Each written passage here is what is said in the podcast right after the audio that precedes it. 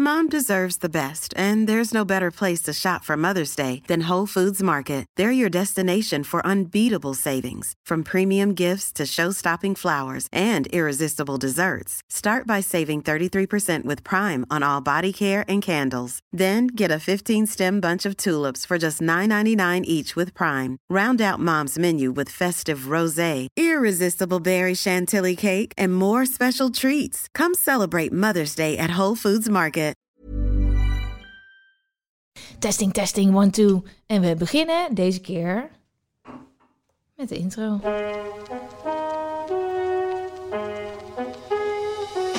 Hallo allemaal, Wim van Poorten hier. Leuk dat je luistert naar Met z'n allen de podcast. Deze podcast is voor iedereen en met iedereen. Vanuit Café Chris Scholte in Amsterdam behandel ik vragen van luisteraars... en kunnen jullie live inbellen om mee advies te geven. Want samen is beter dan alleen. Iedere week schuift iemand aan om zijn of haar wijsheden te delen. En deze week is dat... Ja, ja, ja, ja. Hallo allemaal. Hoe gaat het met jullie?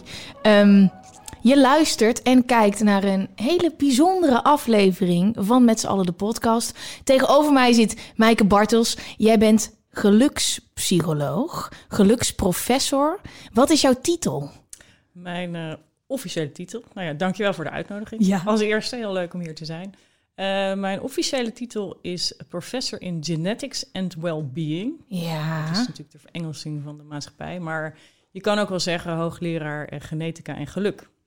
Maar geluksprofessor, dat bek zo lekker. Ja, is leuker, ja. Dit is een aflevering uit de reeks Op de Proef gesteld van de Universiteit van Nederland. En eerder sprak ik al met psycholoog en onderzoeker Madelon over burn-out. Want wat is dat nou precies, een burn-out? En nog interessanter, wat kan je daar zelf tegen doen? Um, wil je dat gesprek horen? Ga dan eventjes naar www.deuniversiteitvannederland.nl slash Gwen van Poorten en op Spotify en alle andere plekken waar je normaal gesproken je podcast checkt. Was echt een heel interessant gesprek. Natuurlijk ook um, omdat ik zelf een burn-out heb gehad. Dat ik het heel interessant vind. En hoe kan je nou zelf de touwtjes in handen nemen? En jij bent hier vandaag, Maaike, om diep te duiken in geluk. En uh, dat doen we niet zomaar. Dat doen we echt op een manier dat we er echt wat aan hebben. Want je denkt misschien, Gwen, dat doe je toch altijd al met gasten? Iedereen is daar, je praat over geluk. Die paraplu hangt al boven met z'n allen. Hè? We mediteren samen, uh, we bewegen samen. Maar hoe leuk is het om ook diep in de wetenschap te duiken? Um, kan je mij vertellen waarom dit jouw expertise is? Waarom ben je hierin gedoken? Ja, nou, ik, uh, ik begon nou ja, een beetje traditioneel... Um te kijken naar problemen bij mensen. Ja. En met name bij kinderen. Dus uh, mijn opleiding was in de biologische psychologie, waarbij we zeg maar de biologie uh, linken aan hoe mensen functioneren en hoe mensen zich voelen. En ik had een heel groot onderzoek naar kinderen, de ontwikkeling daarvan. En uh, problemen, gedragsproblemen, emotionele problemen. Super belangrijk, super interessant. Um, maar toen ik daar eigenlijk mee klaar was, toen dacht ik, nou, als ik nog eens naar die cijfers kijk, dan ontwikkelt ongeveer 25% van de kinderen uh, iets van problemen mm-hmm. in hun jeugd. En dat was dus, dit was tussen 3 en 12, maar ook daarna. En toen dacht ik, ja, die 75%, die, die vergeten we altijd. En ik was al heel lang met die, die gedachte bezig. Dat je, als, je, als wij het hebben over roken en onderzoek naar roken, vragen we altijd waarom roken mensen? Ja. We vragen nooit waarom roken mensen niet.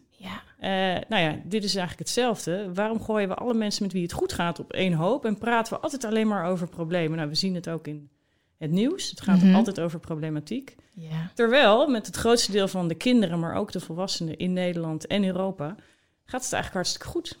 En nou ja, toen ben ik daarin gedoken om te kijken van wat kunnen we daar nou van leren? Mm-hmm. Om natuurlijk uiteindelijk wel degene te helpen die uh, lijden. Want uh, je hoeft niet mensen met wie het goed gaat uh, nog meer te helpen om het nog beter te laten gaan. Ja. Uh, maar wel die groep die al problematiek heeft of al een beetje op die grens zit, om die handvatten te geven om nou ja, naar de betere kant te komen. En waarom vind je dat zo interessant?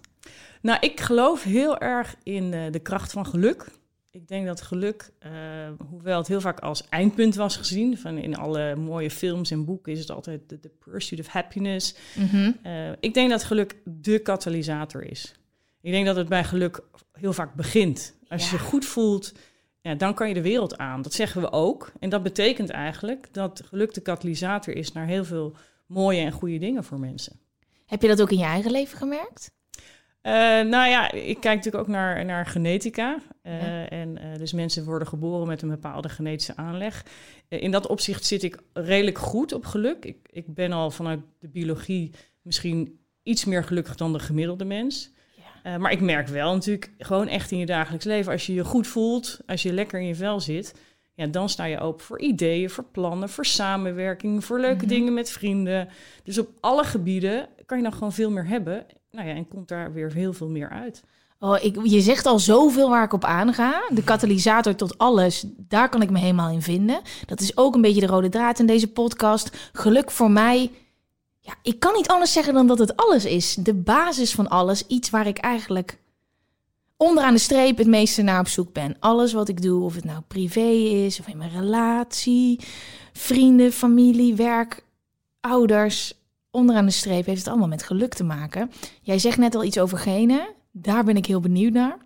We duiken er zo meteen in, maar niet alleen met mijn vragen, met ook vragen van luisteraars die ze massaal hebben ingestuurd. Die eigenlijk ook wel nou, een beetje dezelfde vragen hadden als dat ik heb, maar ook een hele hoop die ik niet uh, had verwacht. Um, uh, je luistert nu en je denkt, ben het is 2 februari. Hoe kan je het nou niet hierover hebben? Waar heb ik het dan over?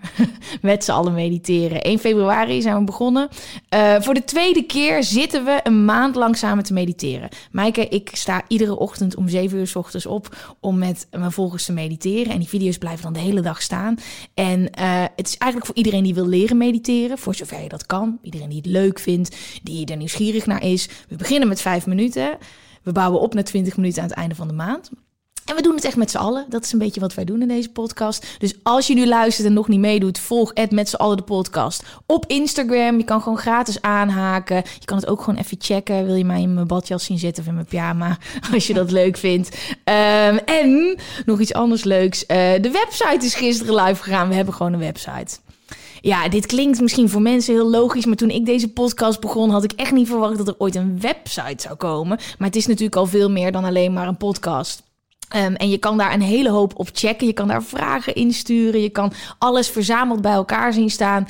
Uh, ga daar naartoe en ga het zien. Ja, dat is eigenlijk het enige wat ik kan zeggen. Ik ben gewoon heel trots dat ik gewoon een website heb. www.metzallen.nl uh, Dan gaan we los. Uh, ben je er helemaal klaar voor? Zeker. Are you ready? Yes. Oké. Okay. dan beginnen we met de allereerste vraag. Wat is geluk? dat is ook meteen de leukste vraag. De interessantste vraag waar je aan de ene kant uren over kan praten. Ja. Uh, dat begint ook al heel lang geleden bij de oude filosofen. Die hadden ook geluk al als een van de belangrijkste onderwerpen om over te discussiëren en een idee over te hebben. Uh, ik heb het aan het begin van dat ik dit onderzoek startte eigenlijk samengevat als je goed voelen en goed functioneren. Mm -hmm. En het is echt iets wat je zelf voelt. Uh, waar sommige mensen zeggen ook altijd van hoe meet je dat? Misschien is dat ook nog een vraag. Dat kan ik ja, straks uitgebreid uitleggen. Ja. Um, maar het gaat erom dat het iets is wat jij over jezelf kan zeggen. En mensen, uh, je kan daar heel lang over discussiëren. Ja, maar geluk is voor de een dit, voor de ander dat. Maar of jij je goed voelt, dat kan jij prima rapporteren. Mensen weten echt wel of ze zich vandaag goed voelen en beter voelen dan gisteren of niet. En kan je dat dan meten? Meteen die volgende vraag. Is dat te meten? En is dat iets wat alleen jij zelf kan doen? Ja, nou, er wordt natuurlijk heel vaak gezegd van nou kan je niet iets. Kijk, je kan meten door het aan mensen te vragen. En dat Mhm. doen we ook. En gek genoeg is daar binnen eh, geluksonderzoek, of als je het over geluk hebt, worden mensen daar altijd een beetje huiverig van. Van goh, Ja, je vraagt het aan mensen, is het dan wel betrouwbaar? ja. Eh, daarbij zeg ik altijd van nou, als je onderzoek doet naar depressie of naar persoonlijkheid of whatever, vraag je het ook aan de mensen. Dus we hebben het soms over subjectief geluksgevoel, terwijl we het nooit hebben over subjectief depressie. Terwijl Ja. het idee is hetzelfde, je vraagt het gewoon aan mensen.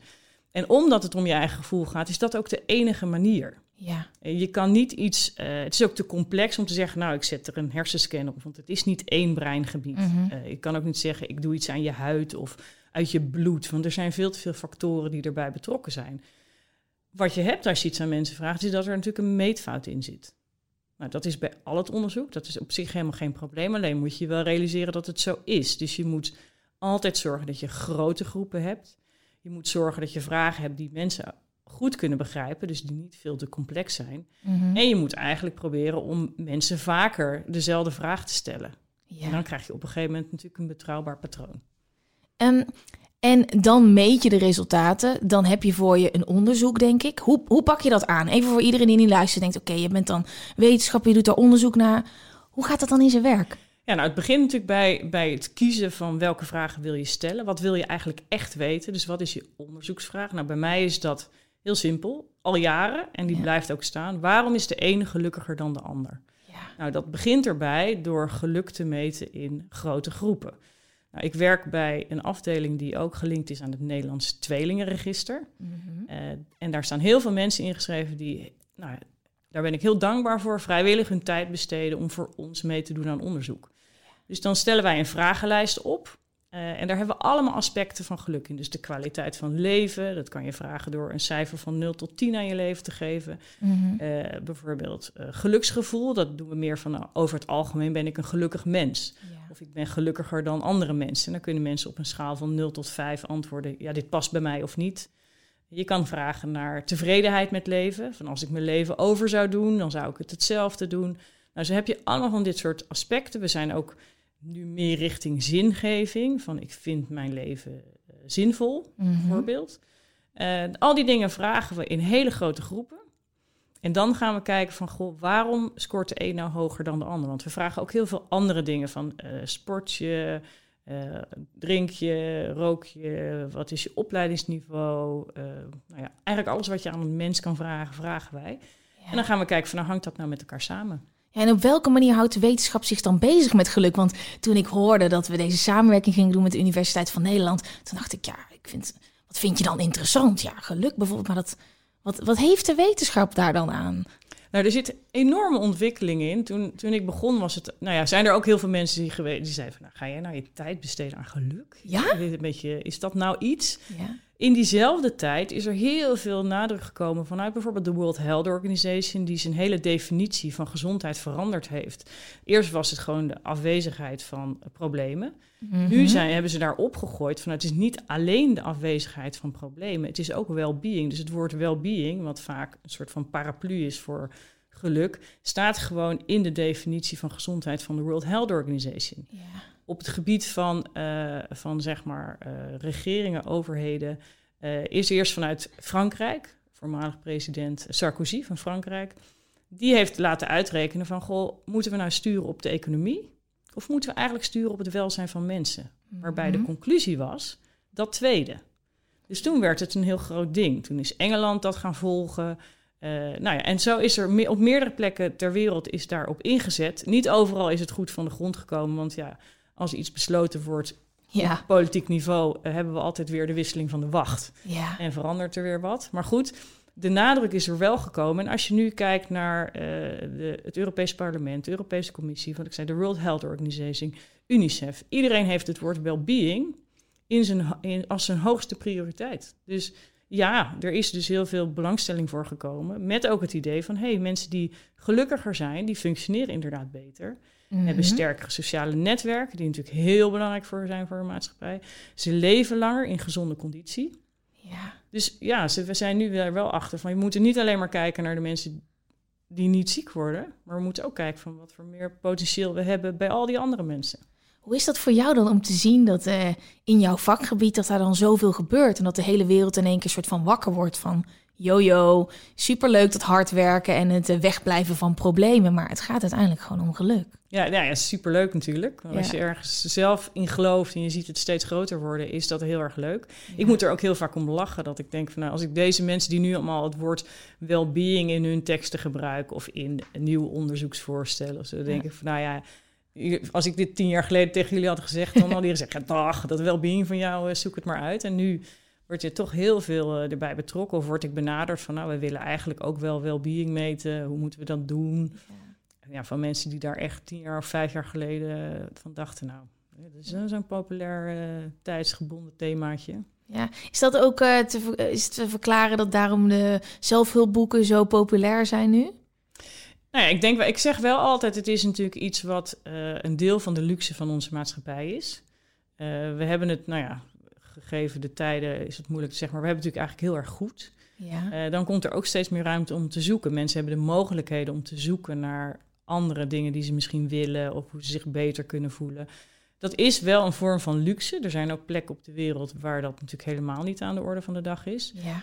Uh, maar dat is inderdaad wel zo, waardoor het ook een sprong heeft gekregen. En waarbij men de waarde ervan in gaan zien is. Mm -hmm. uh, dus ja, de, de zelfhulpboeken doen het in dat opzicht uh, nu veel beter dan lange tijd geleden.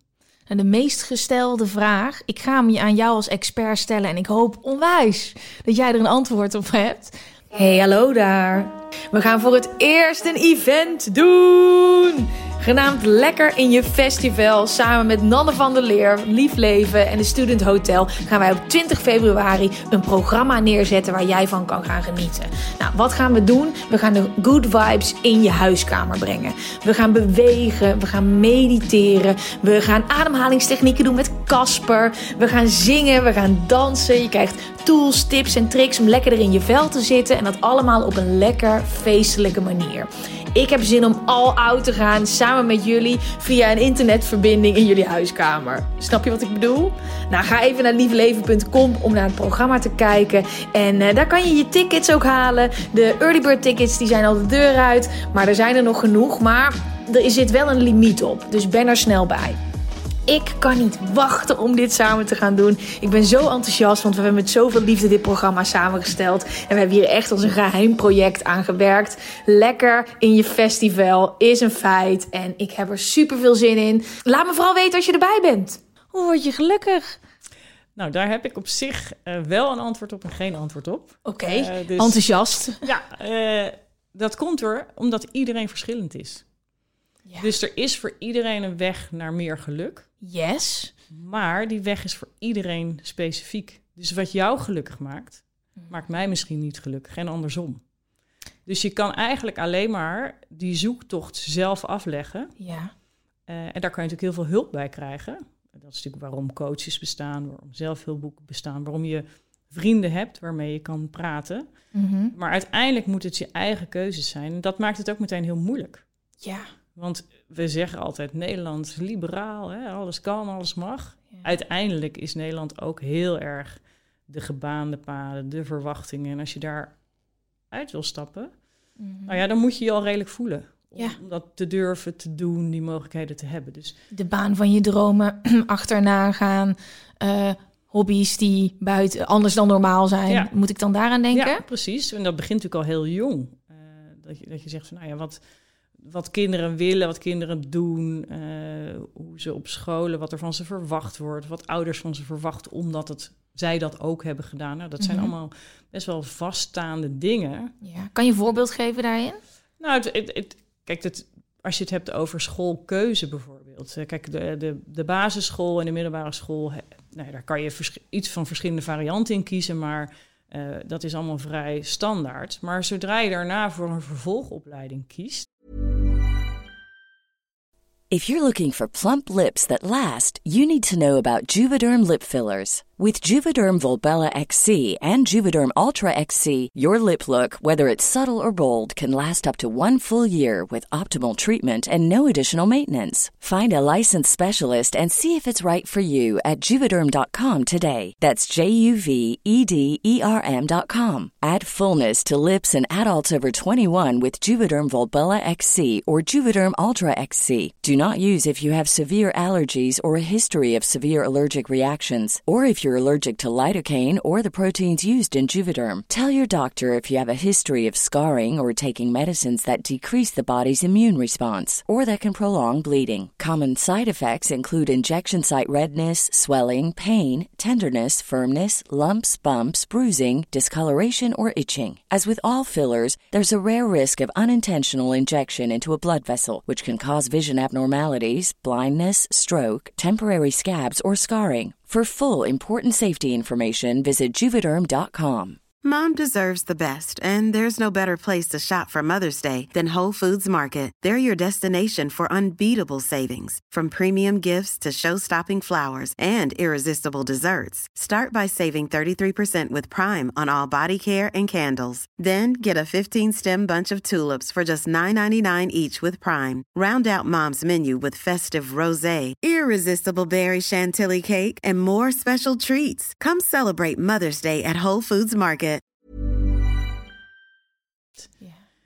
Is dat een keuze? Nou, het, toen ik jong was, ages ago. Maar toen was het helemaal, kies iets waar je geld mee kan verdienen. Nou, dat is eigenlijk nog steeds vaak. Je hoort toch vaak mensen van, nou ja, ik, weet je, ik wilde eigenlijk uh, kunstgeschiedenis of toneelwetenschappen of whatever. Maar ik ben mijn rechten gaan doen. Dan heb ik dat tenminste. Ja, dan denk ik, dat doe dat niet. Want als je iets doet waar je goed in bent, wat je leuk vindt, uh, dan volgt die baan in die richting vanzelf. En die weg is misschien moeilijker. Ja.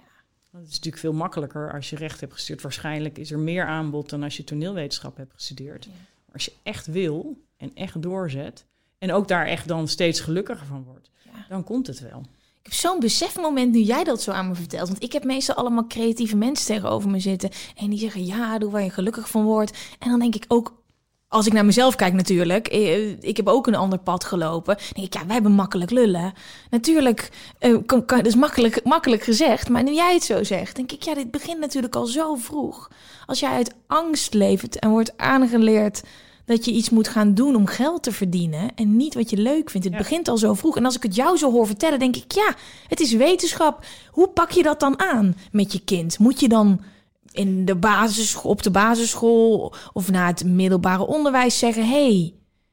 Nou ja, er zijn natuurlijk altijd er zijn zeg maar twee dingen die een beetje tegen elkaar ingaan. Aan de ene kant, als je, als je kinderen hebt dan, en je hebt er meer, zul je zien dat ze allemaal verschillend zijn. Dat is eigenlijk altijd het leukste experiment wat je dan zelf hebt gecreëerd. Je denkt, hè, twee dezelfde ouders, super verschillende kinderen. Ja.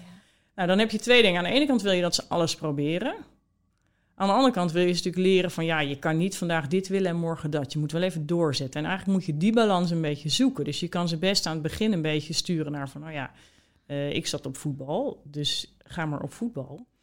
Maar je, en dan moet je ook wel even doorzetten, want uh, kleine kinderen op voetbal, de helft vindt er sowieso geen bal aan. Het is koud en nat. Maar als je die fase hebt gehad en ze blijven zeggen, ik vind het eigenlijk niet leuk, dan moet je je afvragen van, is dit nou eigenlijk wel wat er bij mijn kind past? Ja. En nou ja, ik, ik doe dit werk al heel lang. Uh, dat wil niet zeggen dat ik het in mijn eigen gezin altijd zo optimaal heb aangepakt. Ik bedoel, de theorie is natuurlijk altijd nog uh, makkelijker dan de, dan de praktijk. Ja. Uh, om te zeggen van, nou ja, weet je, ze hebben echt alle vrije keuzes. Uh, en ik stuur ze, je stuurt ze natuurlijk altijd in een bepaalde richting... waarvan je denkt dat het goed voor ze is. En daarbij geldt wel dat je op een gegeven moment realiseren... is dit nou wat ze zelf heel prettig vinden?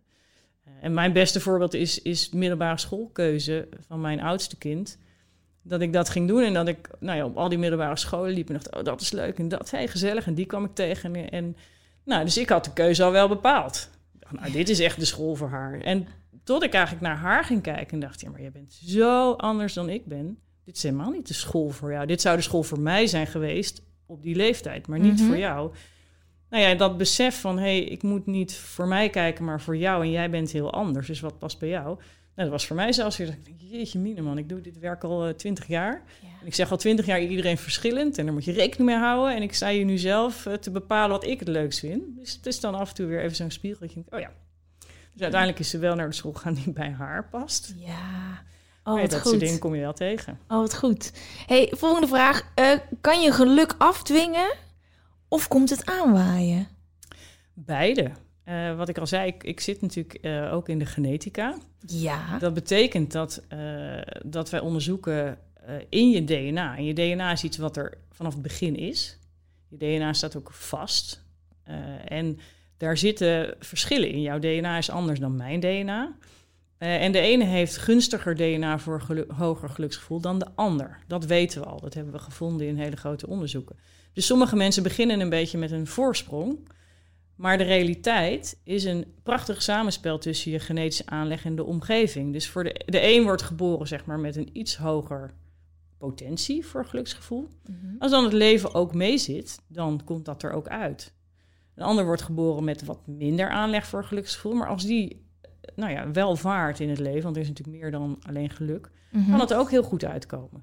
Dus... En hoe kan je dat meten, diegene? Want jij zei net al, nou, ik weet hoe het met mijn genen zit. En dus bij mij zit is het wel redelijk in orde. Kan iedereen dan, uh, hoe moet ik dat zien, een bloedtest doen? Uh, uh, een, hoe kan je dat dan aflezen? Is dat een bepaald type gen dat je dan hebt? Ja, nou, dat, dat is iets van, voor de toekomst. Ik weet niet of het voor geluk ooit beschikbaar komt. Maar wat we hebben gedaan is eerst in echt een heel groot onderzoek. Dus eerst met 300.000 mensen uit Nederland, Amerika en Australië... Uh, hebben we een geluksvraag gesteld en hebben we hun DNA afgenomen. Door bijvoorbeeld aan de binnenkant van je wang wat cellen weg te halen of inderdaad uh, bloed af te nemen. Ja. En dan kan je in een mens iets van, nou ja, toen hadden we 2 miljoen stukjes DNA meten. Dus dat je 300.000 mensen en 2 miljoen puzzelstukjes. En toen hebben we gewoon gekeken van nou, welke puzzelstukjes hebben de mensen die hoger scoren op geluk. Nou, dan weten we voor al die puzzelstukjes of ze bijdragen aan geluk of niet. Nou, dat hebben we daarna nog een keer herhaald met een miljoen mensen en 8 miljoen van die puzzelstukjes. En zo weten we voor ieder puzzelstukje van het DNA, wat we nu kunnen meten bij mensen, weten we hoe belangrijk dat is voor het geluk. Dus sommige stukjes, en er zijn er duizenden die belangrijk zijn, en er zijn er ook duizenden die dat niet zijn. Dus voor ieder puzzelstukje weet ik van ja, jij draagt positief bij aan geluk of jij draagt negatief bij aan geluk. Nou, dan de volgende stap is, als ik voor al die puzzelstukjes dat weet, om te kijken welke puzzelstukjes jij hebt. En dan kan ik kijken, oh, jij hebt al die puzzelstukjes en dan kan ik die waarde van die puzzelstukjes bij elkaar optellen en dan weet ik wat jouw score is. Dus theoretisch kan dat, heb ik ook voor mezelf gedaan. Uh, heb ik ooit gedaan voor een televisieprogramma met uh, Ruben Nicolai, die uh, daar misschien niet aan herinnerd wil worden, maar goed, bij deze. Wat dan? Nou, die wilde ook zijn geluksscore weten. En het is en... uiteindelijk best wel spannend als je het doet, dat je denkt, ja, en die kwam ook hoger uit. En dat had hij natuurlijk wel ook wel een beetje kunnen voorspellen over. Nou, hij is toch over het algemeen redelijk blij ei. Ja. Uh, dus het kan theoretisch. Het is niet heel erg betrouwbaar, want het is een score uh, die nou ja, uit studies komt die nu wel groot zijn, mm -hmm. maar nog lang niet groot genoeg. Dus daarom passen we het ook niet toe. De score aan zich, dit soort puzzelstukjes scores, zoals ik het uitleg, worden wel toegepast. bijvoorbeeld nu met name in Amerika als het gaat om hart- en vaatziekten. Hoe groot is jouw risico om een hartaanval te krijgen als je ouder bent? Als je dat al weet nu, ja. dan kan je denken, hmm, misschien toch wel iets meer dat rondje rennen of iets Mhm. minder dat eten. Of we dat ooit voor geluk ook gaan gebruiken, op die manier weet ik niet. Maar het is wel de realiteit. Mm, En um, als je dan eventjes kijkt naar, oké, okay, ik als persoon uh, heb dus een bepaald gen. Ik weet eventjes niet ho hoe dat staat in verhouding tot geluk, maar wat is nou de verhouding tussen nature en nurture? Wat heb ik in de hand en wat is, men, wat is al bepaald? Ja, dat kunnen we voor een individu heel moeilijk zeggen. We kunnen wel zeggen als je een groep mensen hebt en je kijkt naar de verschillen tussen die mensen, dan komt 40% van die verschillen tussen mensen komt door verschillen in ge genen die die mensen hebben en de 60% komt door verschillen in de omgeving. Dus de omgeving is wel degelijk heel belangrijk.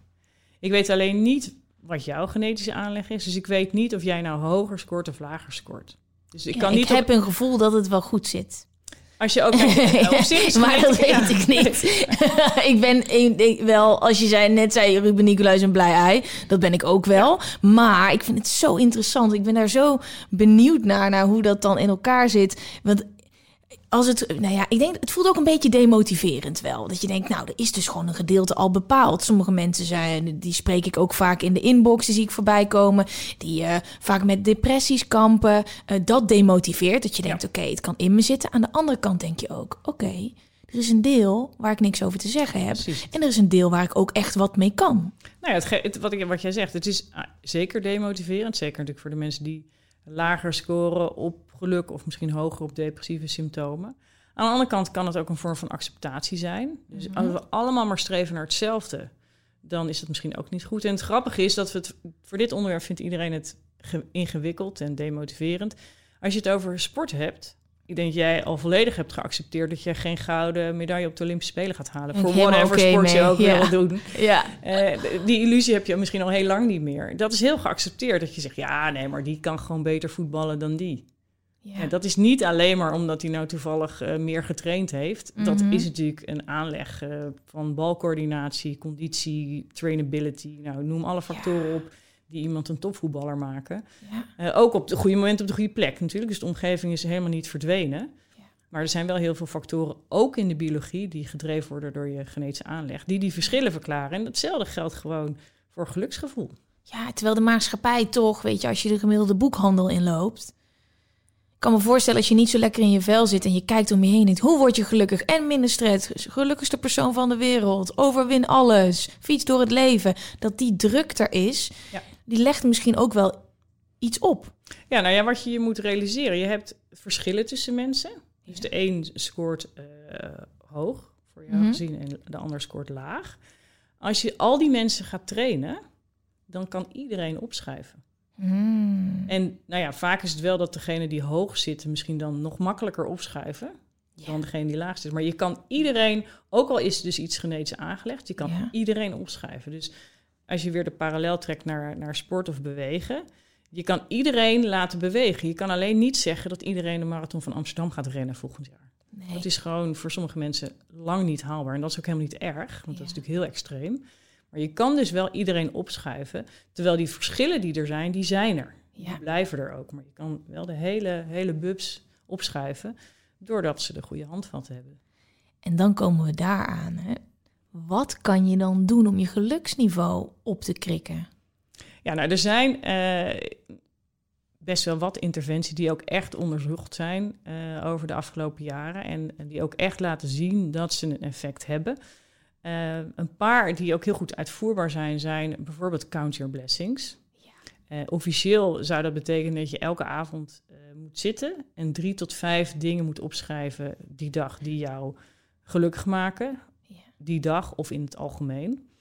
Nou ja, de praktijk leert natuurlijk elke avond zitten en elke avond dingen opschrijven helemaal niet eenvoudig is. Dus dit soort dingen moet je weten en gebruiken op de manier die voor jou past. Ik doe dit Ja, al heel lang. Ja, kijk. Ik durf, maar ik, ik, ik had het niet gezegd als ik dit niet al heel vaak in de podcast had gezegd. Want dan ben ik zo, hallo, ik doe dit al heel lang. Maar ik zeg het hardop en ik zie het meer een soort van als dankbaarheid. Dus het, zeg maar, het werken aan dankbaarheid, dat zie ik ook echt als een soort spier die je traint. Ja. Maar dat is dus hoe jij zegt, count your blessings. Nu voelt het gewoon echt alsof ik gewoon... Ik dacht gewoon, ik doe dit omdat ik denk dat het goed is en het voelt goed. Maar het is Ja. dus echt bewezen Het is dat echt dat bewezen, werkt. Maar je, je moet het wel... Kijk, ik, ik heb het zo aangepast dat op het moment dat ik een keer een slechte dag heb... en weet je, als het regent en ik heb een lekke band en ik ben te laat... of iemand is te laat of nou, iets lukt niet...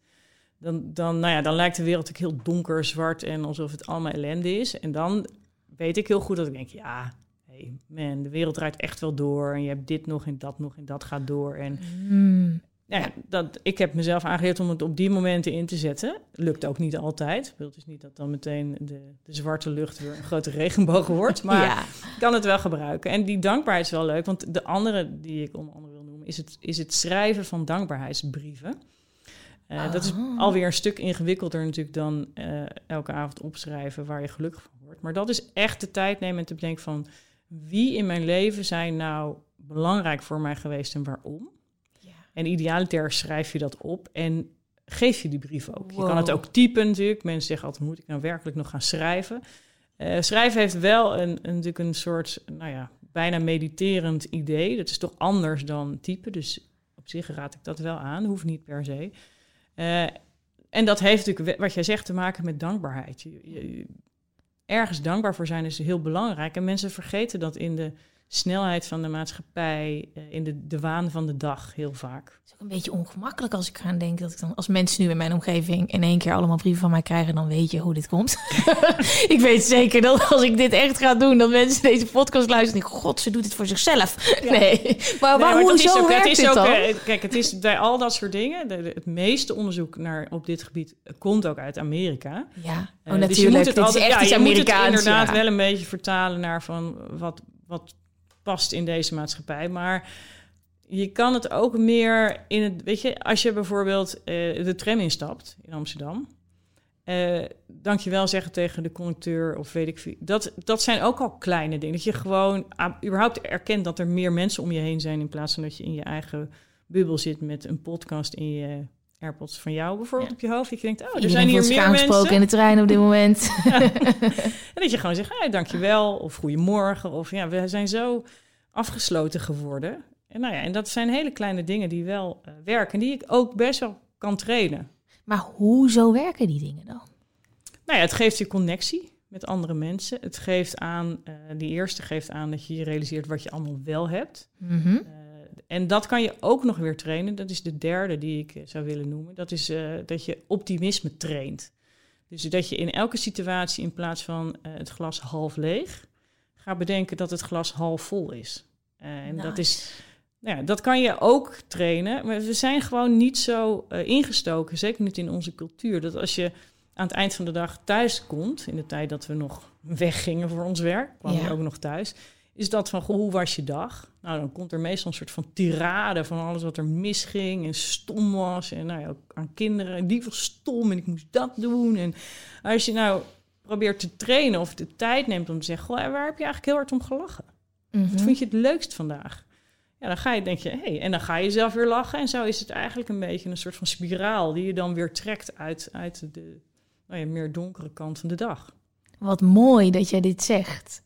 Want het zijn allemaal dingen die aan bod komen in de podcast wel eens, omdat mensen het wel leuk vinden om te doen. Maar dat ik hoor dat het dus bewezen is dat als je deze dingen toepast in je leven en je gaat dit trainen, dat je er daadwerkelijk gelukkiger van, gelukkiger van kan worden.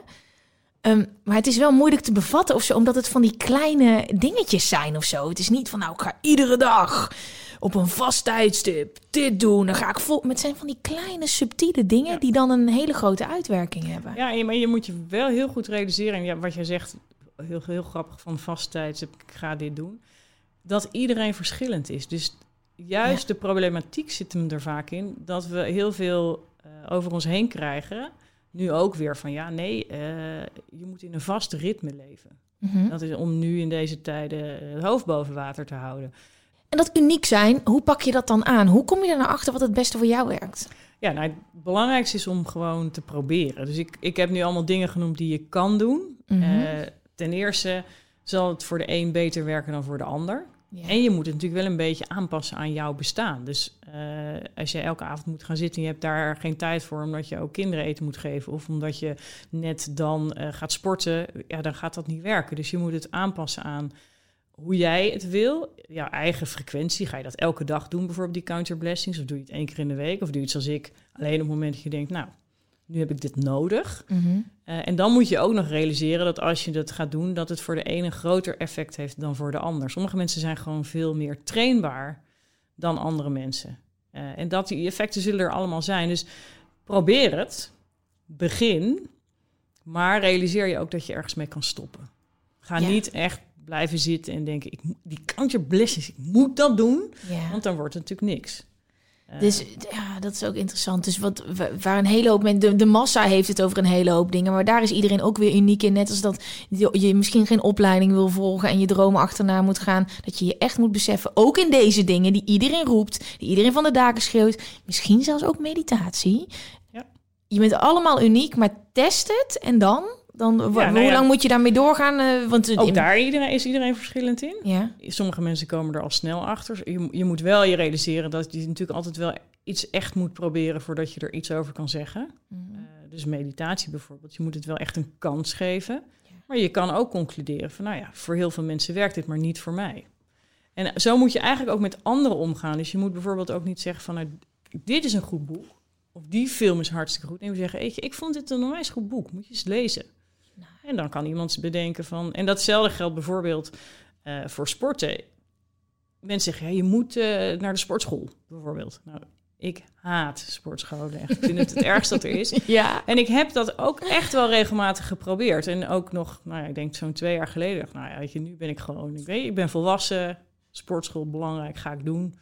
Nou, dan ga ik ook echt een paar keer in de kaart. valt wel mee. En dan echt na, na twee maanden denk ik, oh jezus. En dan kom ik op een punt, denk ja, jeetje, ik ben, ik ben ook geen tiener meer. Ik ga toch niet op mijn leeftijd nog in, tegen mijn zin in naar een sportschool fietsen. Terwijl, als je zegt, ga je mee een rondje rennen in het bos...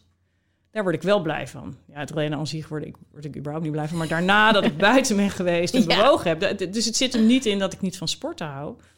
En de grootste grap is dat de mensen die eh, het zelf doen en daar goed in zijn... die vinden het heel lastig om te begrijpen dat anderen dat niet hebben. Ja, hoe dus kan er zijn dat? ook echt mensen die, als ze echt gaan sporten... daar echt minder gelukkig van worden. Maar die mensen worden misschien wel gelukkig van een gewoon een wandeling of een fietstocht. Of, kijk, dat bewegen goed voor je is, is staat vast. Mhm. Maar je hoeft niet allemaal op dezelfde manier dat te doen. Waar komt dat toch vandaan dat we dat wel denken? Ja, dat zijn we natuurlijk heel, heel erg gewend. We, we, we denken de mens is de mens en we hebben eh, deze behandeling of deze preventiemaatregel en dat gaat voor iedereen werken. Ja, we hebben gewoon weinig ruimte voor verschillen tussen mensen.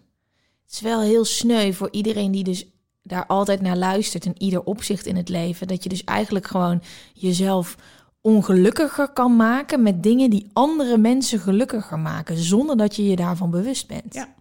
Dus Ja, met- en, en je moet dan natuurlijk ook wel een beetje eh, nou ja, de bal hebben om te zeggen van dit past niet bij mij. Dat is voor de een natuurlijk ook weer makkelijker dan voor de ander. Dat heeft weer te maken met zelfvertrouwen en, en zelfcontrole over je leven. Nou, dat heeft er met allerlei aspecten te maken. Dus het klinkt theoretisch natuurlijk allemaal heel makkelijk wat ik zeg. Iedereen is verschillend en ga proberen en stop en al dat soort dingen. Maar ja, in de, in de realiteit van de dag is het minder makkelijk. Maar je moet het je wel realiseren en Ja. op die manier ernaar kijken. Ja, ja, ja, heel interessant.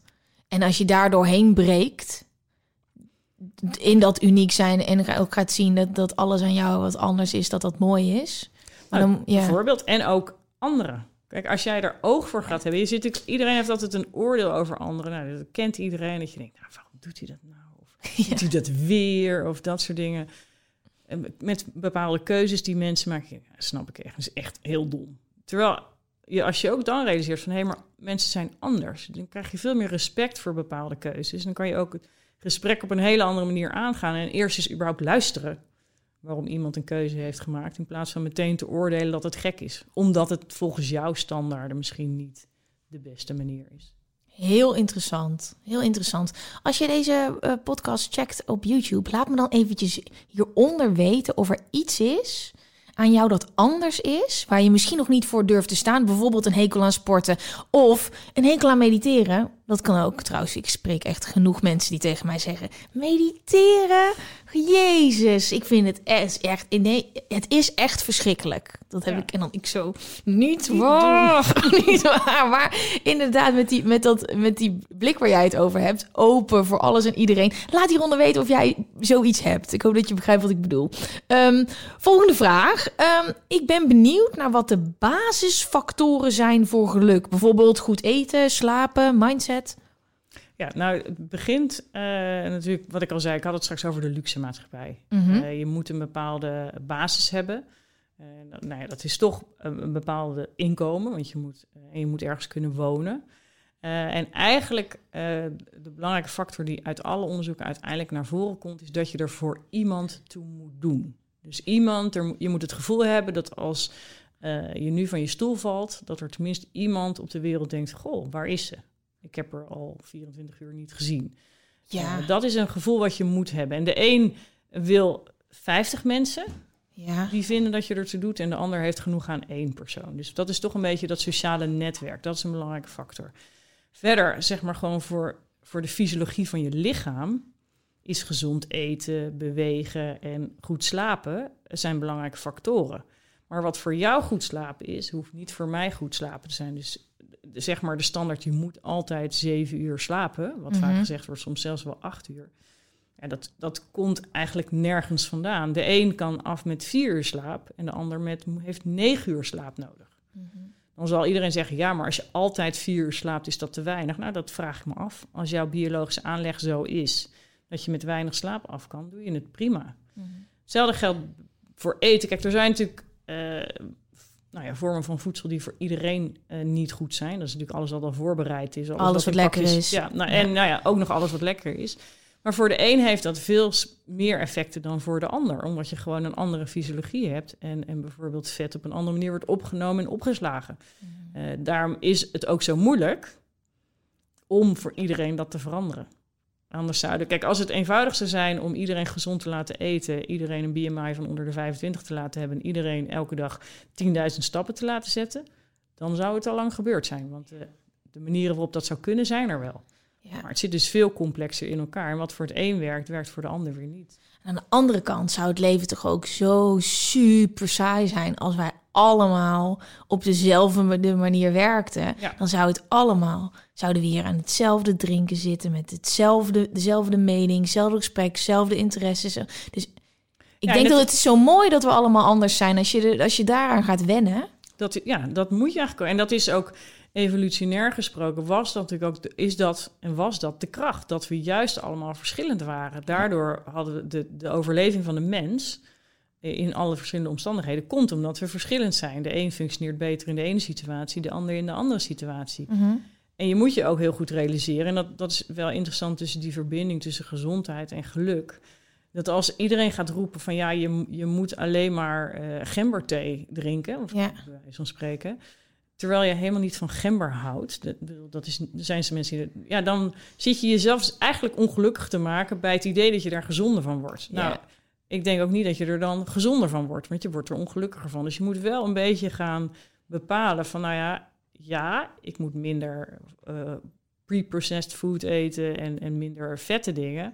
Maar ik moet wel alternatieve dingen, en dat noemen ze ook altijd, dat volhouden. Je kan wel enorme crash healthy dingen gaan doen. Maar als het niet bij je past en je vindt het eigenlijk allemaal nou, gewoon niet tevreden bijvoorbeeld, wordt het heel erg lastig. Ja. Uh, dus je moet wel voor jezelf weer bepalen wat past bij mij. Mm En dan kan je natuurlijk echt wel lifestyle veranderen. En soms moet je een beetje getriggerd worden. Hè. Er zijn genoeg mensen die nooit bewogen hebben en door druk van buitenaf een keer met een hardloopgroepje mee gaan doen. En nu van de Dam tot Dam naar de marathon van Amsterdam naar de marathon van New York zijn gegaan. Ja. Dus dacht, oh ja, maar ik wist dit eigenlijk niet van mezelf. Mhm. Eh, dus ja, proberen. We hebben vorige eh, maand, de hele maand januari, met z'n allen fit gedaan. Waarin we een soort van niet soort van. We hebben elkaar heel hard gemotiveerd om iedere dag te bewegen. Op een eigen manier. Dus eigenlijk hebben we dit heel erg goed, gedaan. Want ik had eerst dus het idee... iedereen gaat 10.000 stappen per dag lopen. En toen dacht ik, dit is heel onaardig. Want als iemand daar helemaal geen zin in heeft... het kan ook gewoon een blokje om zijn. Dus eigenlijk hebben we dit wetenschappelijk gezien goed aangepakt. oh, ik zou echt slecht zitten hier als ik dan zei... ja, ik heb iedereen geforceerd om 10.000 stappen per dag te lopen. Niemand deed me mee. dan snap ik het wel. Je ziet het wel. Je ziet dus dat mensen ook uh, steeds meer afhaken. Ja als het iets is wat voor heel veel mensen onhaalbaar is. Want 10.000 stappen klinkt heel leuk, hè? Ja. Maar is best wel veel. Als je het gedaan hebt, dan weet je dat je toch echt wel zo ver moet lopen om dat te halen. Ja, zeker, zeker. Uh, we hadden het natuurlijk net al over genen. Maar bestaat er een geluksgen? Nee.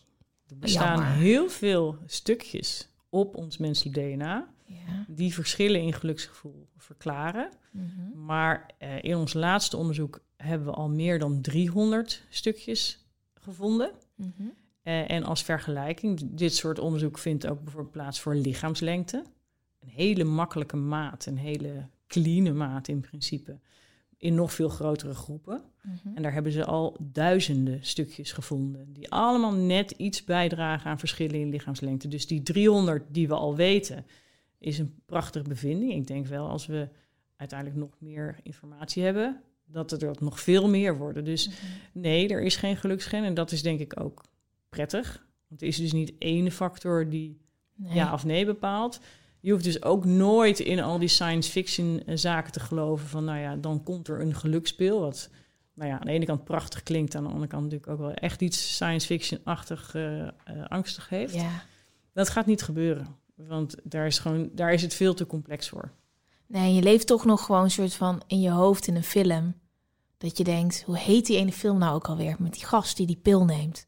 Dat in één keer super limitless.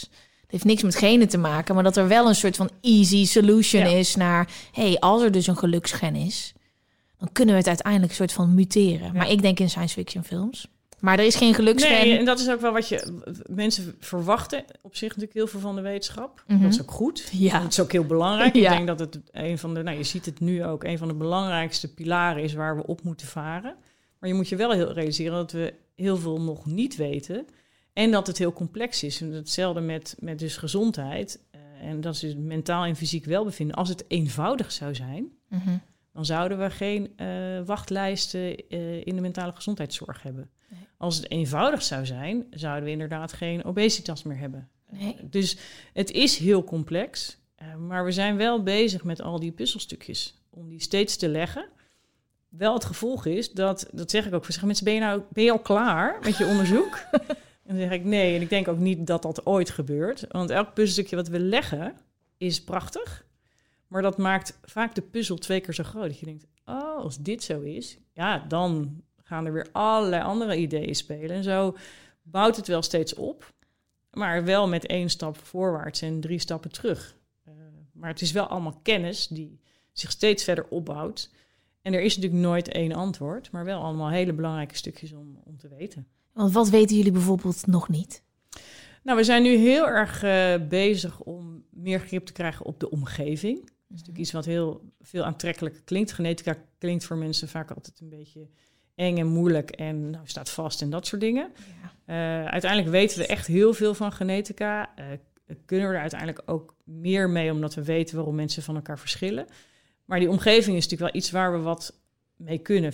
Eenvoudiger, denken we. Het is alleen heel moeilijk om omgeving te meten. Het is heel moeilijk om bijvoorbeeld voor jou te bepalen aan welke omgevingsinvloeden jij vandaag allemaal bent blootgesteld. Sommige zal je zelf kunnen opnoemen als je het vanavond moet opschrijven. Heel veel realiseer je helemaal niet. Mhm. Eh, dus we zijn heel erg bezig met uh, databases die er bijvoorbeeld al zijn op grond van postcode. Van nou ja, hoeveel theaters heb je in de buurt, hoeveel ziekenhuizen, uh, wat is het opleidingsniveau in je buurt en al dat soort factoren te nemen. we zijn een studie aan het opzetten met mobiele telefoons, waarbij de mobiele telefoon heel veel passieve dingen meet. Hoeveel geluid is er, hoeveel licht is er, hoeveel beweeg je. Want mensen kunnen dus slecht rapporteren en hebben heel veel dingen niet door. Uh, en zo proberen we iets beter een grip te krijgen over welke omgevingsfactoren doen er naartoe voor wie. Ja. Want het makkelijkste voorbeeld, als buiten de zon schijnt, mm is dat voor mij een hele belangrijke factor. Ik word daar super blij van. Als het regent, word ik niet blij. Mijn uh, lieftallige echtgenoot, uh, die weet vaak aan het eind van de dag niet eens wat voor weer het was. Ja. Dat is niet iets wat je hebt aangeleerd. Dat is iets wat in je, in je zit, dat je, dat je gevoelig bent voor het weer of niet. Mm uh, ik kan natuurlijk wel trainen om mezelf wat onafhankelijker van het weer te, te maken. Door te beginnen met uh, die 36 weer-apps van mijn telefoon te gooien, bijvoorbeeld. Ja. Maar het blijft wel een ding voor mij dat blijkbaar mijn stemming bepaalt. Um, maar dat geeft dus aan dat exact dezelfde omgevingsfactor, namelijk het weer, waar we ook helemaal niets aan kunnen doen, voor mensen een verschillend effect heeft. Ja. En dat is, uh, nou ja, heel interessant. Vind ik super fascinerend om te kijken hoe werkt dat samen maar wel heel complex. Ja, en maar als je dus weet hoe jij erop reageert en je kan dat uiteindelijk meten en we zijn zoveel jaar verder, dan kan je dus ook kijken hoe je je daar kan tegen wapenen en wat voor tools je kan vinden. Ja, precies. Maar ja, het, het weer is één omgevingsfactor. Dan zijn er nog een paar duizend andere op diezelfde dag die een rol spelen. Ja. Uh, dus het, het, hangt er al vanaf of het een werkdag of een weekenddag is. Het hangt er al vanaf of het zomer of winter is. Want in de zomer is mijn verwachting anders dan in de winter. Nou ja, Mhm. zo is het natuurlijk een heel complex spel. Maar je hoopt wel op een gegeven moment wat meer te weten. En dus al niet op individueel niveau zijn snel, maar wel op groepsniveau. Van nou ja, uh, dit zijn vrouwen van, van 30 uh, met dit opleidingsniveau. Wat zijn nou over het algemeen de factoren waar zij gelukkig van worden? En dat kan je wel als handvatten teruggeven Ja. aan die groep. Ja. En dat zullen andere factoren zijn dan uh, mannen in dezelfde leeftijdscategorie of vrouwen die ouder of jonger zijn. Nice. Uh, ik heb een vraag, uh, de laatste vraag uh, van de luisteraars. Hele mooie. Um, is het streven naar geluk wel gezond? Wil je dan niet telkens meer en ga je dan niet voorbij aan het nu? Heel ja. interessant, want dit is, ik voel deze helemaal, maar daar gaan we het zo meteen wel over. Ik ben eerst even benieuwd naar je antwoord. Ja, nou, als het een obsessie, alles wat een obsessie wordt, is ongezond. Dus dat, dat is een, het simpele deel van het antwoord. Uh, wat ik zei, omdat ik uh, geluk niet als dat eindpunt zie, maar als die katalysator, is het wel heel erg belangrijk om je continu af te vragen of je voor jezelf op de goede plek en op het goede moment bent. Mm-hmm. Uh, dus, uh, en dan je moet je wel realiseren dat je ook niet van vandaag op morgen alles weer meteen kan veranderen. Maar het is wel een vraag die je wel constant moet afvragen. En proberen, als dat niet zo is, om te zeggen waar ligt dat aan? Mm-hmm. Dat het consequenties heeft, die soms minder prettig zijn, ja, Mhm. dat kan. Maar dat kan op de lange termijn uiteindelijk tot een betere uitkomst leiden. Dus het is niet zo, en dat is ook nooit vastgesteld, dat mensen per definitie ongelukkiger worden doordat ze streven naar geluk. Je moet je wel op een gegeven moment realiseren van waar streef ik nou werkelijk naar? Ja. Uh, en ook dat is weer heel erg makkelijk in parallel te trekken naar gezondheid en bewegen. Ik kan heel lang de ambitie hebben om te zeggen, ik ga dam tot damloop rennen. Uh, ik weet inmiddels ook dat fysiek dat voor mij niet een ding is wat ik ga halen. Mm-hmm. Ik heb ook al eeuwig de droom om een, uh, laat ik zeggen, een BMI van uh, 21 te hebben. Dat kan ik denk ik wel halen, maar dan is de rest van mijn leven geen bal meer aan. Want dan moet ik eigenlijk alleen maar komkommer eten en de hele dag bewegen. Mm-hmm. Dus je moet voor jezelf wel gaan realiseren. En dat is gewoon een soort van zelfacceptatie. Wie ben ik? Wat voel ik? Wat zijn mijn normen en waarden? Nou ja, dat is veel makkelijker gezegd dan gedaan, maar daar begint het wel mee. Dus het is niet per definitie iets wat je ongelukkig maakt om te streven naar geluk. Maar je moet wel weten waar je doelen zijn en waar je limieten liggen. Het moet in balans zijn en in harmonie. Want uiteindelijk te veel streven naar Bijvoorbeeld al die dingen waar we het over hebben, die dankbaarheid, ehm, eh, mediteren dan voor mijzelf, waarvan ik weet dat ik daar gelukkig van word. Het kan natuurlijk niet de bedoeling zijn dat als je dit niet doet, dat je daar dan ongelukkig van wordt. Maar het is bij een hele hoop mensen wel dat ze proberen een gewoonte aan te leren. Bewegen, gezond eten, want daar word ik gelukkig van. Mediteren, dankbaarheid, bedankbrieven schrijven, alles waar we het over hadden. Maar het is dan natuurlijk heel makkelijk om daar een soort van to-do-list van te maken, waar je dan weer onrustig van wordt. Je kan ook wel eens proberen om echt serieus zeg maar, je eigen leven te reflecteren en terug te kijken. Van nou ja, oh ja, ik streef altijd naar, uh, wij spreken, meer bewegen of meer contact met vrienden. En als je dan denkt aan een tijd dat je dat wel deed, je dacht, was ik dan toen zoveel gelukkiger? En soms kom je erachter van, nou, dat viel eigenlijk wel mee. Dus misschien moet ik gewoon kijken. En nou ja, deze hele rare periode is voor mensen wel een soort van moment om, om echt te voelen van waar heb ik behoefte aan, wat mis ik, uh, hoe ga ik dat weer inrichten tegen de tijd dat we ooit weer vrijgelaten worden. Uh, ja, dat zijn wel de momenten om eigenlijk te gebruiken. En iedereen kan het alleen maar negatief noemen, zo is het nieuws ook. Maar je kan ook zeggen, nou oké, het is wat het is. hoe ga ik dat nou gebruiken om voor mezelf vast te stellen, wat, wat zijn nou eigenlijk mijn ideeën? Hoe vaak moet ik nou eigenlijk mijn vrienden zien? Wie wil ik eigenlijk zien? Wie heb ik nou werkelijk gemist? En dat soort nou ja, opschoningen van je bestaan uh, kunnen wel tot heel veel mooie dingen leiden. Dat klinkt heerlijk en dat is het beste corona-gerelateerde nieuws dat ik in tijden heb gehoord. Ja, toch? Ja. De, de echte met een andere blik naar je leven kijken. We gaan waarschijnlijk, laten we het hopen, nooit meer zoveel rust uh, en zo weinig prikkels ervaren als dat we nu hebben. Nee, we zien dat ook echt inderdaad. Hè? Dus het is niet een, een, een, een soort maar zelf verzonnen idee of een mening. Ja. We hebben mensen gemeten waarvan we al geluksdata hadden voor de hele coronacrisis en tijdens. En we zien dat 25% van de mensen stijgt in hun geluksgevoel. Ja. Nou ja, het 50% daalt en de anderen blijven gelijk. Dus er is wel werkelijk een groot probleem. Dan durf ik daar eindelijk over te praten, want ik voel me dus veel gelukkiger ja. het afgelopen jaar. Maar ik durf daar niet over te praten, omdat dat echt, nee. omdat het voelt alsof je niet nu gelukkiger mag zijn dan dat je was. Nou ja, dat is, zo wordt het inderdaad wel gebracht. En dat was ook meteen aan het begin, waar er heel veel vragen over gesteld. Van, nou ja, en, en wat werd ik natuurlijk ook gebeld van het zal wel allemaal, uh, nou ja, kommer en kwel en uh, hel en verdoemenis zijn. Dus ik, nou, ik, A, weet ik het niet, want ik heb geen data, dus ik kan daar ook niks over zeggen. B, kan ik me voorstellen dat er mensen zijn verschillend. Dus dat het voor een groep mensen helemaal niet zo erg is om een beetje de druk eraf en even een stap terug. En even niet de fear of missing out, die we denk ik over het algemeen wel kennen, even niet te ervaren. En ik, nou ja, weet je, ik vind het heerlijk om dit boek te lezen op de bank. Bij de wetenschap dat iedereen op de bank zit en niet uh, in die leuke kroeg staat. Ja. Uh, dat stuk, dat heeft wel geholpen om daarna voor jezelf te realiseren van, nou, had ik daar nou werkelijk willen staan? Of zit ik eigenlijk echt wel goed hier? En je ziet dus dat er ook echt wel een subst substantieel aantal mensen is die zich eigenlijk beter zijn gaan voelen. En Oh. daar, daar kunnen we natuurlijk ook weer heel veel van leren. Van welke factoren zijn dat? Nou ja, dat is nu weer wat we proberen te achterhalen. Uh, en voor welke groepen geldt het? Kijk, we zien ook in dat onderzoek, en dat is wel een heel belangrijk gegeven, dat het toch wel met name de vrouwen zijn die zich minder gelukkig zijn gaan voelen. Echt? Dus dat is wel een hele belangrijke factor. en, en kan je ook al zeggen waarom? Nee, eigenlijk niet. Er zijn wel andere onderzoeken geweest die bijvoorbeeld laten zien dat de, de combinatie van de, de zorg eh, voor, voor de gezinsleden en eh, de thuiswerksituatie voor vrouwen toch nog iets zwaarder zijn geweest dan voor mannen over het algemeen. Dat is, Natuurlijk. hoewel we dat niet willen, maar Ja. zo zit onze maatschappij toch nog steeds Ja. wel in elkaar. Ja. Eh, dat zie ik ook als ik om me heen kijk. Zie ik toch wel, toch wel heel veel druk die op de vrouwen is gaan liggen. eh, van de homeschooling en je werk combineren. En nee, een man liefst zit op zolder. Ja. Ik ken ook heel veel gezinnen waar dat niet zo is, zoals bij mijzelf. Mhm. Mijn man draagt meer bij aan de homeschooling dan ik überhaupt doe. Maar dat is wel wat we in de algemene data zien. Dat vrouwen eh, toch meer lijden onder de situatie dan mannen. Maar ook in die 25% stijgers zitten ook heel veel vrouwen. Ik ben heel benieuwd naar al deze resultaten als we eenmaal uit de, hier uitkomen en wat mensen daar dan ook uiteindelijk weer mee gaan doen in hun leven. Hè? Ja. Als dus alle prikkels weer komen en de festivals en de feestjes en de winkels gaan open. Ik ben heel benieuwd. Ehm, om hem een beetje af te ronden, de vraag die ik heel veel binnenkreeg. Is het ooit genoeg?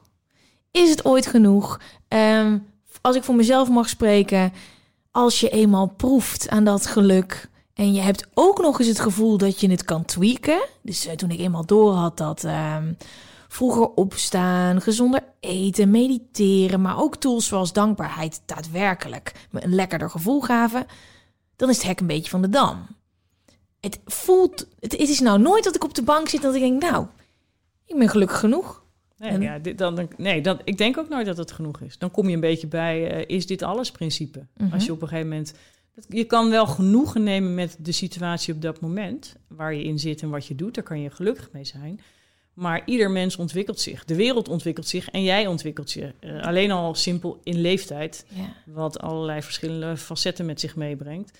Dus iedere levensfase uh, en iedere, bijna iedere dag vraagt weer andere dingen van je. Dus in dat opzicht is het inderdaad nooit genoeg. Uh, dus je bereikt dingen en dan ga je kijken hoe ver je nog kan komen. Maar je kan wel op verschillende gebieden realiseren van oké, okay, hier zit voor dit wel mijn maximum. Wat ik zei van ja, ik kan wel nog gezonder gaan eten. En dan op een gegeven moment kom je op een punt, denk je, ja, maar dit is niet meer waar ik gelukkig van word. Want dat betekent dat ik nooit meer een glas wijn kan drinken. Mhm. Nou ja, dat ga je dan misschien doen. Doe ik nu, Dry January, heel knap. Uh, heb ik vorig jaar ook gedaan. En mijn conclusie daarna was, oké, okay, goed. Ik denk dat het fysiologisch goed is om een keer te doen. Het is goed om de gewoonte eruit te krijgen. Maar het is voor mij wel de conclusie dat ik niet ga stoppen met alcohol drinken voor altijd. Want ik vind het gewoon veel te lekker en veel te leuk. Mm. Uh, daar is niks mis mee, zolang je het binnen de perken kan houden en niet hele excessieve dingen doet. Maar dat is de conclusie eigenlijk, misschien niet die ze willen bereiken ermee. Maar wel voor mij, van ja, ik vind dat gewoon een fijn aspect van het leven om met vrienden wijn te drinken. Ja. En als ik dat weghaal, dan word ik gezonder, dan word ik denk ik uh, prachtig uh, slank en dat soort dingen wat men heel graag wil, wat ik zelf helaas ook altijd uh, zo graag wil. Maar ik word er zo ongelukkig van om alle leuke dingen, wat, voor mij het leven weer maakt, mm -hmm. dan af te gaan schaffen. Dus die balans moet je voor jezelf gaan vinden. Nice. Dus aan de ene kant nooit genoeg, aan de andere kant wel op verschillende aspecten. En dan komt er wel weer iets anders. Sommige momenten je een enorme drive om stappen in je werk te zetten. Andere momenten denk je van, nou, ik wil uh, die en die gelukkig maken. Volgende momenten werk je aan je gezondheid. En je kan nooit alle ballen op het hoogste niveau houden. Dus je moet gewoon je eigen balans daarin vinden. Dus het is een rollercoaster. Ja, dan is het leven daar oh. per definitie. En om het een beetje samen te vatten. Um, een deel van onze genen bepaalt hoe gelukkig wij al zijn. Maar we hebben zeker een hele hoop in de hand. Uh, en alles gaat eigenlijk over zelfkennis. We zijn allemaal uniek. Uh, durf buiten de gebaande paden te gaan. Uh, ga je geluk achterna. maar leer vooral jezelf heel goed ja. kennen. En ehm, breng het ook een beetje in, in balans. is het je wel waard om gelukkiger te worden?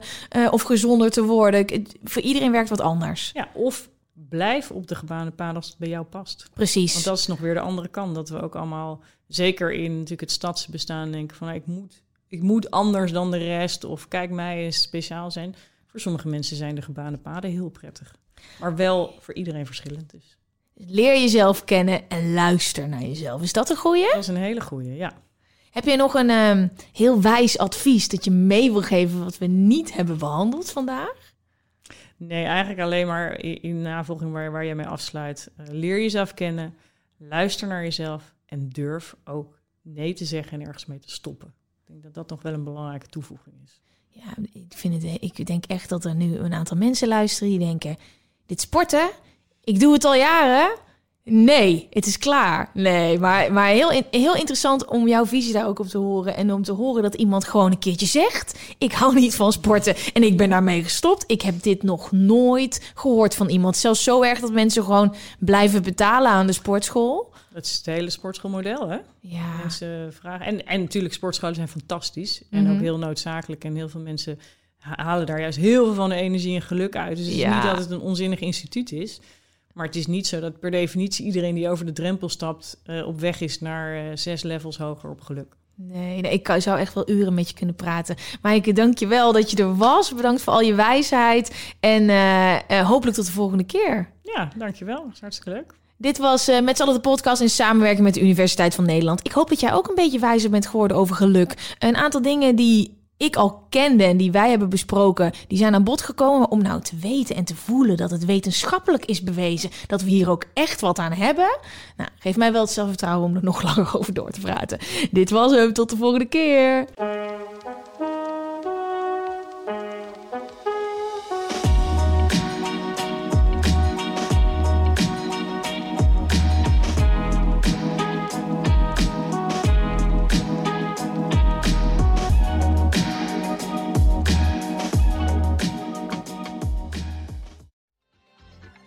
Weet je waar ik zo'n tyfushekel aan heb? Toeristen, als het te druk is in de stad, zelf koken. Ja, alles wat je nu zojuist benoemt. En daarom maken jij, denk Daan Hogevorst, En Robert Rodenburg. een podcast waarin we alleen maar klagen. Want klagen is HET medicijn tegen het collectieve leed wat maandag heet. Dus elke maandagochtend een nieuwe te horen op je favoriete podcast-app. Maandag Klaagdag! Jezus, zingen moeten wij nooit doen. Dit is vervelend. We hebben nog 30 seconden advertentieruimte beschikbaar, maar jouw merk zit er niet in. Wil jij deze ruimte beter benutten en staan waar voorheen HelloFresh of Samsung stonden? Mail dan naar adverteren@tonymedia.nl. Flexibility is great. That's why there's yoga. Flexibility for your insurance coverage is great too. That's why there's United Healthcare Insurance Plans. Underwritten by Golden Rule Insurance Company, United Healthcare Insurance Plans offer flexible, budget friendly coverage for medical, vision, dental, and more. One of these plans may be right for you if you're, say, between jobs, coming off your parents' plan, turning a side hustle into a full hustle, or even missed open enrollment. Want more flexibility? Find out more about United Healthcare Insurance Plans at uh1.com.